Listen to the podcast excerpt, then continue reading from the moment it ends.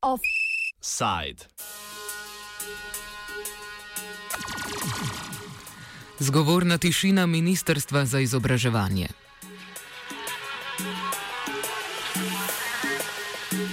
Javna agencija za raziskovalno dejavnost Republike Slovenije, krajše ARRS, je v začetku novembra objavila javni razpis za sofinanciranje znanstveno-raziskovalnega sodelovanja med Republiko Slovenijo in državo Izrael v letih 2018 do 2020. Razpis predvideva sofinanciranje projektov na dveh prednostnih področjih, izmed katerih je eno inovativno upravljanje z vodami. Ker je upravljanje voda eno od sredstev izraelske okupacije, smo poklicali več upletenih institucij in jih povprašali za mnenje glede sodelovanja na tovrstnih razpisih. S članico gibanja BDS Slovenija pa smo spregovorili tudi o komercialnih stikih Slovenije s podjetji zasedenih ozemelj.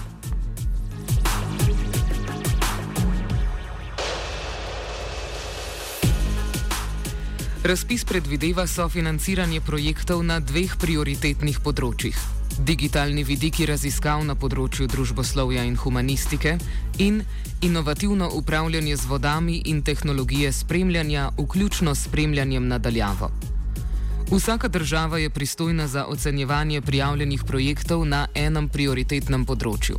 Projekte upravljanja z vodami bo tako ocenjeval Izrael. Besedilo razpisa še navaja, da je njegov namen omogočiti znanstveno-tehnološki napredek na strateško pomembnih področjih. Upravljanje z vodami je za Izrael resnično strateškega pomena, saj preko omejevanja dostopa do vode palestincem onemogoča normalno življenje na zasedenih ozemljih.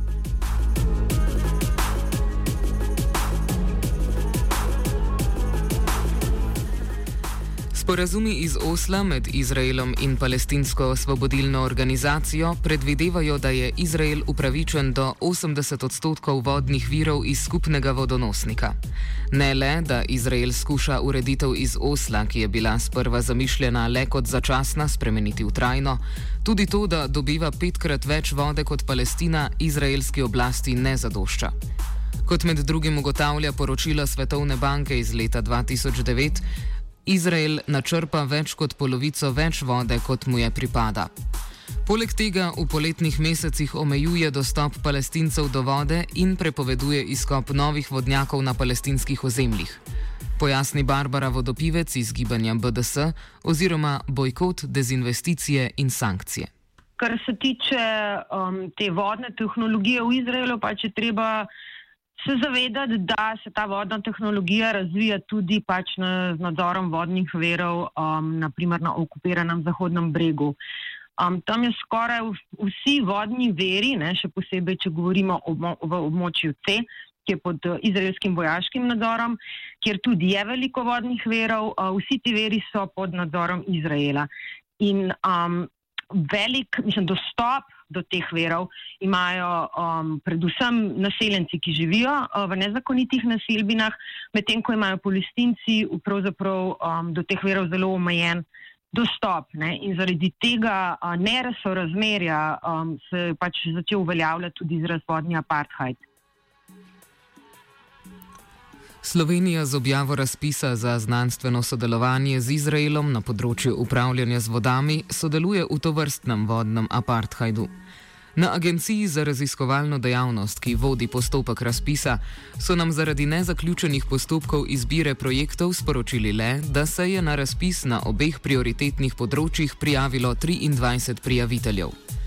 Glede morebitne problematičnosti tovrstnih projektov, pa da, citiramo, so vse raziskave, izvedene v okviru sofinanciranih projektov ARRS, podvržene splošno uveljavljenim in mednarodno ustaljenim načelom znanstvene etike in integritete. Prijavitelji na javni razpis v prijavnem obrazcu podajo izjavo, da imajo ustrezno dovoljenje etične komisije za izvajanje raziskovalnega projekta. Konec citata.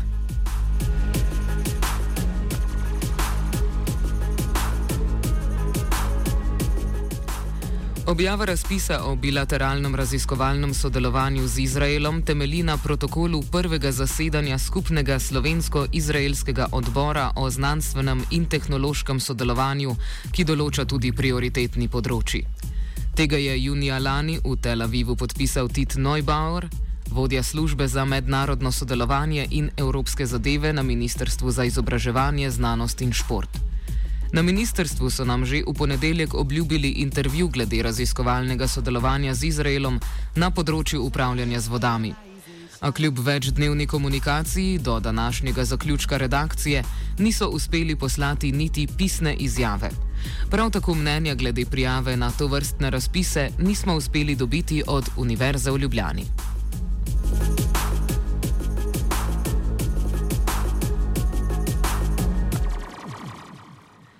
Ta razpis pa ni prvi primer slovenskega raziskovalnega sodelovanja z Izraelom. Med letoma 2006 in 2008 je že potekal podoben program, a so bila izbrana prioritetna področja, bioinformatika in napredni materijali, manj problematična. Iz Slovenije je bilo na takratnem razpisu izbranih pet projektov. Dva izmed njih, prijavitelja sta bila z Ljubljanske fakultete za matematiko in fiziko ter z Kemijskega inštituta, pa sta v projektih sodelovala z Izraelsko-Hebrejsko univerzo. Ta je po izraelski zasedbi vzhodnega Jeruzalema svoj kampus premaknila na okupirano ozemlje, zaradi česar je bila tudi tarča pozivov tujih akademikov k bojkotu. Barbara Vodopivec pa izpostavi še en primer sodelovanja slovenske raziskovalne sfere v okupaciji. Inštitut Andreja Marušiča je leta 2011 sodeloval z Izraelsko univerzo Ariel, ki deluje na zasedenih ozemljih. Tudi ta projekt pa je preko RRS sofinancirala država. Več vodopivec. Šlo je za sodelovanje med tem inštitutom Andreja Marušiča in Univerzo Ariel. Univerza Ariel je univerza, ki se nahaja v nezakoniti naselbini na Zahodnem bregu. In tukaj je šlo um, za obisk nekih predstavnikov iz inštituta Andreja Marušiča uh, v te univerze. In treba je povedati, da te pač, uh, naselbine so nezakonite po mednarodnem pravu in tudi mednarodna skupnost opozarja na problematiko sodelovanja um, z univerzami, ne, ki so, uh, ki se v teh naselbinah nahajajo. In ta projekt, ki je velik del manjšo vsoto, je bil tudi financiran s strani uh, RRS. In um, takšne povezave so seveda zelo jasno problematične.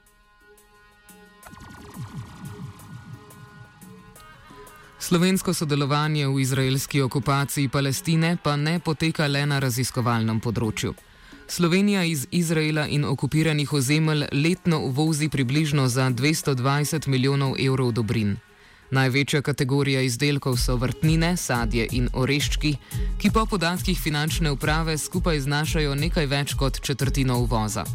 Kot pojasni Barbara Vodopivec iz gibanja BDS, je pridelava teh produktov pogosto povezana z okupiranimi ozemlji, njihov izvor pa je večinoma težko določljiv. En velik del tega, kar pač Slovenija uvaža iz Izraela, predstavljajo prehranski izdelki, to se rečemo grumi, ureški, sadje, predstavlja naj bi okoli 36% celotnega uvoza. Um, in treba je pač povedati, da veliko uh, izraelskih um, ne, podjetij, ki um, izvaža in trži te kmetijske pridelke, se nahajajo tudi na zakonitih nasebinah ali pa so z njimi pač neposredno povezani. De, seveda, problem pri teh kmetijskih izdelkih je, da je zelo, zelo težko slediti njihov izvor. Ne? Po eni strani zaradi tega, ker je v verigi veliko akterjev, uh, po drugi strani, za, naprimer potrošnika, je to težko ugotoviti, ker niti trgovske verige v Sloveniji, niti uvozniki ne želijo povedati točno, um, odkot prihajajo produkti, ne, uh, ne samo država, ampak točno lokacijo. Hkrati pa seveda se um, ta informacija pogosto zanaša na informacijo, ki jo pridobijo izraelska podjetja, kjer pa pogosto prihaja tudi do zavajanja. Tako da najprej treba povedati, da je ta sledljivost izvora zelo, zelo uh, težavna. Medtem ko je izvoru posameznih produktov težko slediti, pa je jasno, katera podjetja delujejo na zasedenih ozemljih. Vodopivec zato izpostavlja, da se je bolj kot na ugotavljanje izvora izdelkov smiselno osredotočiti na bojkot teh podjetij. So pa seveda podjetja, ki pogosto stojijo za temi kmetijskimi izdelki. Um, obstajajo zelo jasna poročila, um, da, ta, da te izdelki, mislim, da ta podjetja delujejo na nezakonitih naselbinah. Tukaj, naprimer, govorimo um, o podjetjih, kot so Mehadrin, Kedem, Hadiklim. To so izraelska podjetja, ki v, v Evropo pač izvažajo datle, avokado, agrume in so tudi podjetja, ki jih najdemo v Sloveniji. Um, zdaj, kot rečeno, zelo težko je za to točno specifičen izdelek, pridelek, uh, dokazati, odkje je točno prišel. Je pa jasno, da so ta podjetja, ki sem jih omenila in ki jih najdemo tudi v Sloveniji, da pač delujejo ne, na, na nezakonitih naselbinah in so z njimi pač zelo tesno prepletene. Izraelska podjetja so sicer zaradi obračunavanja carine ob uvozu v Evropsko unijo zavezana navesti, ali je poreklo produkta mednarodno priznano ozemlje Izraela ali okupiranega ozemlja. Treba je povedati, da je v, okviru, da je v letu 2005 na ravni Evropske unije uh, je bil Izrael obvezan, da uh, produkte, ki jih uvaža uh, v Evropo, jasno označi z izvorom. To pa zato, ker v bistvu izdelki, ki, ne, ki prihajajo iz nezakonitih naselbin v Evropo, niso pač uh, deležni preferencialne obra, obravnave. To pomeni, da mora Izrael plačati dajatve, ne, da niso oproščeni carine, medtem ko izdelki, ki prihajajo iz uradno, to je tega, ker je Izrael so teh dajatov oproščeni.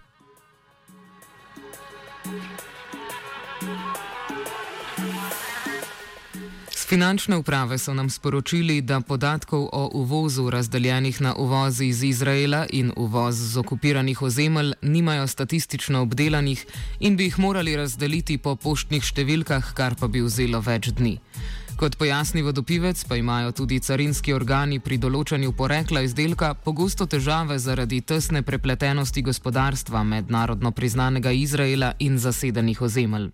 Prvi problem tukaj je, da um, se tukaj zanaša na informacije, ki jih uh, dobavlja Izrael, ker pogosto prihaja do zavajanja, ali pa se v bistvu navede informacijo pakiranja, ne pa proizvodne, naprimer. Ne. Veliko pakirnic je v, rečemo, uradno priznanem Izraelu, proizvodni so pa na zakonitih naselbinah. Ne. Poleg tega pa v bistvu carina že pogleda, a gre za pač uh, izdelek, da bo vstopil v Evropsko unijo z dajatvami ali ne.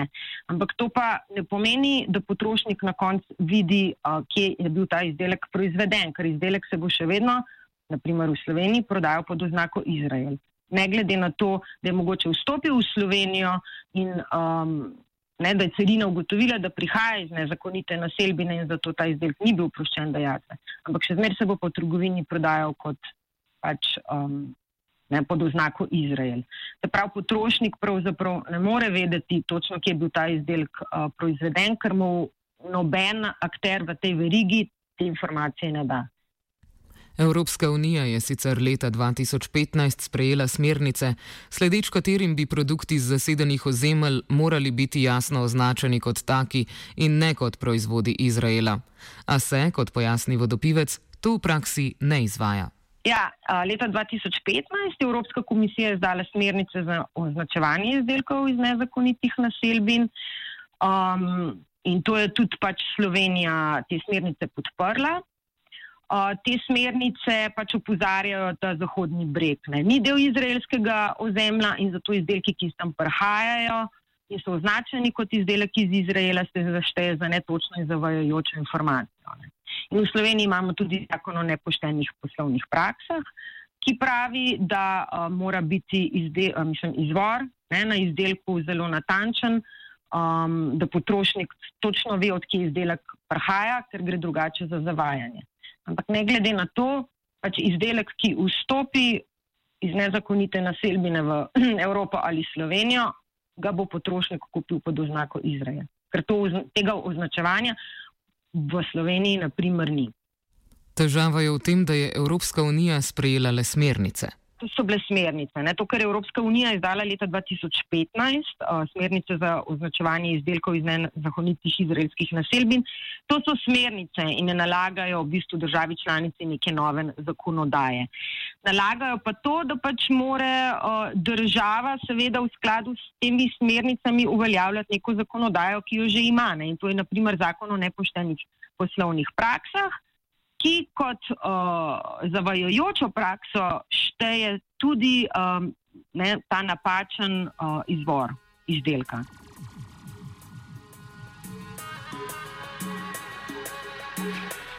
Z Ministrstva za gospodarski razvoj in tehnologijo, pod katerega spada področje označevanja izdelkov, do zaključka redakcije nismo prejeli odgovora na vprašanje, kakšna pravila v Sloveniji veljajo glede označbe produktov z zasedenih palestinskih ozemelj.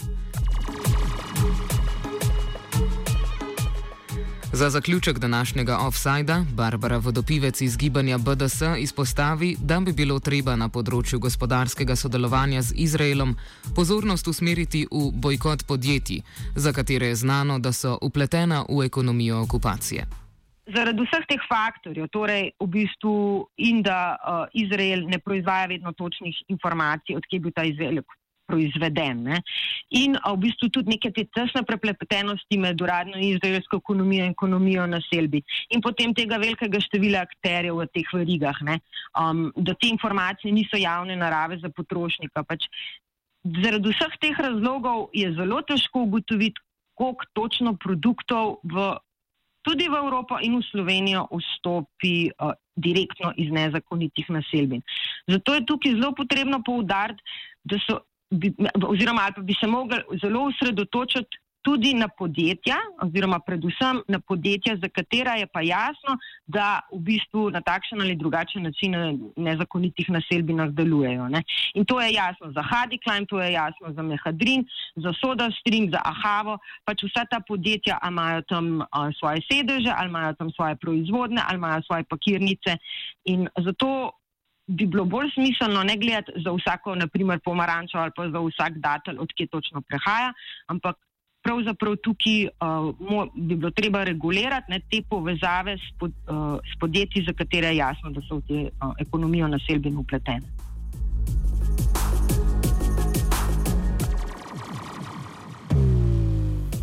Podobno kot pri gospodarskih povezavah bi veljalo iz raziskovalnega sodelovanja izločiti tiste izraelske univerze, ki delujejo na okupiranih ozemljih, in pa tiste projekte, ki imajo jasen namen in potencial uporabe v okupaciji Palestine.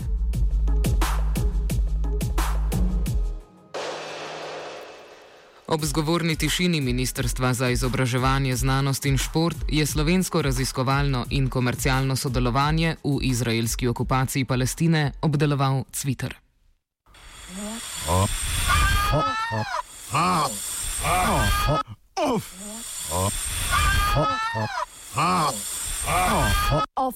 Offside.